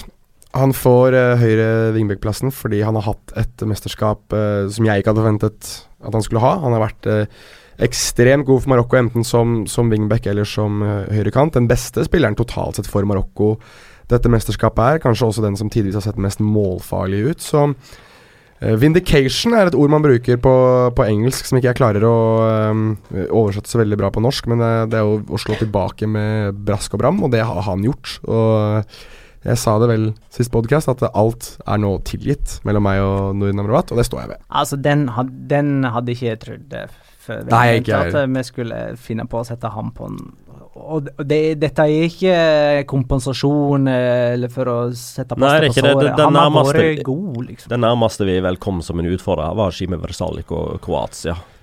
Ja. Men han måtte vike, og på motsatt så har vi valgt eh, Jesus Gallardo. Eh, det er vel egentlig, for å være litt stygg, da, den venstrebekken som har vært minst dårlig til nå i VM. venstrebekkene har vært eh, the weakest link til nå. Der, der her sleit vi egentlig med å finne gode uh, argumenter for noen, egentlig. Altså Marcelo kunne sikkert ha blitt valgt fordi han liksom alltid er god, men han har jo ikke vært outstanding og gikk, gikk tidlig av mot Serbia. Eh, jeg syns uh, Gallardo spesielt viste seg fram i kampen mot Tyskland i første omgangen. Da var han en pådriver. Han sørga for at Tyskland aldri fikk eh, kontroll på ballen. Kom offensiv reid hele tida. Eh, så skal det jo sies at mot, eh, mot Sverige så var han, eh, i likhet med resten av forsvarsfireren til Mexico, ikke helt eh, parat. Men de to første kampene var god nok til at han eh, tar venstre wingback-posisjon til nå. Også en innstendig bønn til alle venstrebacker. Skjerp dere! Eh, sentralt på midtbanen. Der har vi, eh, da har vi da tre mann. Første, vi var enige om alle tre, eh, sånn fra the get-go. Og um, Luka Modric er første på midtbanen. Det er etter min mening VMs beste spiller så langt. Han har vært eh, Altså Vi trodde han var god i Real Madrid i en sentral rolle, men vi fant ut at hvis du flytter han typ 20 meter høyere i banen, så er han plutselig verdens aller eh, beste spiller innimellom. Eh, ekstremt god i alt han foretar seg for, eh, for uh, Kroatia. Målfarlig. Er Luka Modric bare, du, bare ganger ti, egentlig? Sammen med Hector Herrera, sentralt på midten for Mexico. Løpe, løpe, løpe, løpe, takle, takle, takle. takle Sentre, sentre, sentre. sentre Vært eh, veldig, veldig solid, eh, spesielt også da i kampen mot Tyskland. Den kampen trekker liksom opp fordi motstanderen var så, eh, var så stor. Jeg tror ikke Mexico hadde klart å stå imot om det ikke var for alle de meterne han eh, la ned. Og sistemann i treeren her eh, er vel kanskje den som har hatt den beste enkeltkampen. Eh, eller enkeltomgangen, syns jeg. Førsteomgangen til Isco mot Marokko. Wow! Mm. Jeg sa jo det, sa jo det Det ble faktisk sitert på, på TV av Lise Klaveness at jeg hadde betalt uh, NRK-lisensen både 1, 2, 3, 4, 5 ganger ekstra for å kunne se Iniesta og Isco på den måten uh, framover. Um, nei, altså Hvor henger du altså, hvilken, Hvilket uh, museum har lyst til å spille av de 45 minuttene på uh, loop uh, framover, tror du det? Guggenheim, Louvre, et eller annet sånt noe? to uh, spisser, og der er det egentlig ganske vanskelig å velge, for det er flere som har skåra ganske masse mål. Uh, opplagte kandidater Lukaku, Kane og Cristiano Ronaldo. Messi er faktisk ikke aktuell for dette laget. Nei. Heller ikke Neymar. Heller ikke Diego Costa. Ikke Diego Costa. Så det var de, de tre, da. Det sto mellom. Ja. Ja, og da må, da må jo en av de vike. Eh, den som vi var helt klare på, egentlig, var Cristiano Ronaldo. Eh, og det er Og så vil noen sikkert si at ja, men han hadde jo en horribel kamp mot Iran. Jo da, men han hadde en desto god kamp mot Spania. Eh, Hat trick mot Spania. eh, tre forskjellige mål. Tre avgjørende mål for kampbildet, for kampresultatet. For kanskje det å holde Portugal med i, i eh, gruppespillet. Hadde de tapt mot Spania, så kunne de fort funnet på å slite mot Marokko og kanskje ikke ha troa i den kampen heller. Så, så Cristiano Ronaldo er eh, klink inn på laget med fire skåringer. Altså er det jo litt sånn eh, Den eh, ferskvaresyken. Eh, hadde kampene kommet i omvendt rekkefølge, så hadde vi ikke diskutert det engang. fordi da hadde vi huska kampen mot Portugal aller best, og alle ville hatt han med på tidenes eh, Allstar-lag i alle VM-sluttspill hvis Spania-kampen hadde kommet til slutt. Ja, ja, ja. Men fordi Iran-kampen kom til slutt, og der bomma han på straffe og var ganske anonym ellers, og var gjenstand for en VAR-vurdering osv. Så videre, så Men eh, ja, de tre skåringene mot, eh, mot Spania, de, de veier fryktelig tungt. Ja, og matchvinnermål mot uh, Marokko hjelper vel litt, det òg. Ja. Absolutt. Og så blir det Lukaku, eller? Vi utelater faktisk toppskåreren i VM og setter han på benken. Vi gjør det, og det er vel eh, Vi var veldig i tvil her, da. jeg argumenterte veldig hardt for, for Harry Kane, men jeg synes det er, det er et poeng å nevne det at det er tre altså hat trick mot Panama. Um, To straffer og én i blinde. Ja, egentlig, og det er jo Selv om altså, skåringa mot Tunisia, eller begge skåringer mot Tunisia, spesielt den siste, er jo veldig avgjørende, men teknisk utførelse og vanskelighetsgrad på skåringer og litt sånn taler i, i favør Lukako. Eh, de har jo spilt eh, nærmest like mye. Altså, ingen av de spilte eh, i kampen mellom Belgia og, og, og England. Ja, Lukaku gikk ut en, en halvtime før slutt mot eh, Tunisia i tillegg. Og det gjorde vel Kane mot Panama òg, så, så det, er, eh, det er veldig mange likheter med det. Men skåringene og, og vanskelighetsgraden, eh, og viktigheten kanskje også for kampbildene totalt sett, eh, gjør at eh, vi bestemmer oss for å gi det til da Manchester United-spissen. Han skal ha det, Kane. De to straffene var ganske kule. Det var bra satt, bra satt straffe. Eh, all den teite utsykkingen i forkant, og han bare Det var litt ignorerer det vilt og hamrer opp i samme kryss begge ganger. Ja. Så da har vi nevnt uh, Woo, Uh, Stones og Kane på benken til nå. Det skal jo fire til, uh, fire til inn der. Ta det raskt. Kom igjen, Petter. Sabali, Josef Sabali, Josef Sabali, ven- venstreback til Senegal. Ivan Rakitic, Definitivt. Filipe Coutinho, Definitivt. Juan Fernando Quintero. Mm. Og trener Zlatko Dalic. Kroatia er vel det laget som har imponert oss aller mest til nå. Og litt også fordi at eh, de, de startet eh, VM på veldig mange måter med eh, en liten krise. Da Nikola Kalinic nektet å bli byttet inn på mot Nigeria. Han klager på at han har vondt i ryggen. Sa at han ikke ville inn på banen. Da svarte Dalic med å si det er greit, men da setter du deg på første får du hjem til Zagreb i morgen. Kastet han ut. Kroatia har 22 mann i troppen sin. Kalinic har dratt hjem. Og har da klart å, å holde ro i rekkene, til tross for at uh, kanskje den mest målfarlige spissen deres har måttet uh, dra hjem tidlig i mesterskapet fordi han ikke vil spille. All right, da er vi i mål. Jeg tror jeg bare vil nevne til slutt at Jan André Moraz eh, Hagen sendte oss en Dagblad-link om uh, dette med at det, det er En eh, artikkel som avkrefter det med at uh, et lag kan ta avspark hvis motstanderlaget er utenfor banen og jubler for skåring. Panama Vi fikk vel et eksempel eh, i Panama i England. Ja, de prøvde på det. At de hadde tydeligvis lest Twitter. Jeg glemte å nevne det i vår forrige episode. Vi blir lurt til å tro mye rart ved hjelp av sosiale medier om dagen. Dette bildet av Messi omringa av fire nigerianere er òg veldig, veldig fake. Eh, og man kan gå inn på Marka eh, og sjekke alternativet. alternative Både det opprinnelige bildet Hva vet hvilket bilde jeg snakker om? Ja hva? Jeg har sett. Er det fake? At Messi er omringa av fire nigerianere, ja. Det er fake, ja. Jeg visste det var fake. De to i front der er, ser ut til å være i en helt annen verden. Og Marka har eh, lagt på enda flere artige animasjoner, i, eller oh, ja. Photoshoppa det ytterligere for å bare spe på med litt mer krydder. Ja, kult bilde òg. Bra, for jeg syns det er kult photoshoppa egentlig, men ja ja, whatever. Var det noen flere ting jeg hadde tenkt å nevne? Nei, jeg tror ikke det. Vi tar rett og slett sommerferie. Dette er siste VM-spesialen vår. Ja, Med mindre det skjer noe spesielt, og vi må Ja, det kan hende vi må ta en sånn herre suse i The Podmobile til eh, kan, jeg, kan, ikke, kan jeg ta et lite øyeblikk og takke alle som har gått inn i iTunes og rata og skrevet vurderinger? Det er ganske mange nye nå som har gjort det. eh, og det er eh, noe jeg oppfordrer alle som hører på til å gjøre. Gå inn i iTunes og gi oss eh, Hvis du syns at de fortjener fem stjerner, det syns jeg at vi fortjener, da må du gjerne gi oss det, og så skriv en liten vurdering. Ris, ros, whatever it may be. Det hjelper oss med å få litt synlighet, og det hjelper oss med å vokse og bli så store som overhodet mulig. Så det håper jeg noe folk tar seg tid til å gjøre. Ok. Tusen takk for at du lytta, kjære lytter. Ha et en strålende sommer og et uh, nydelig VM. Ha det, da.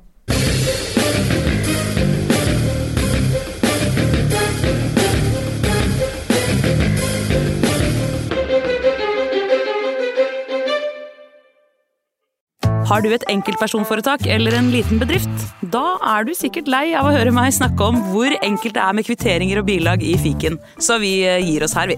Fordi vi liker enkelt. Fiken superenkelt regnskap.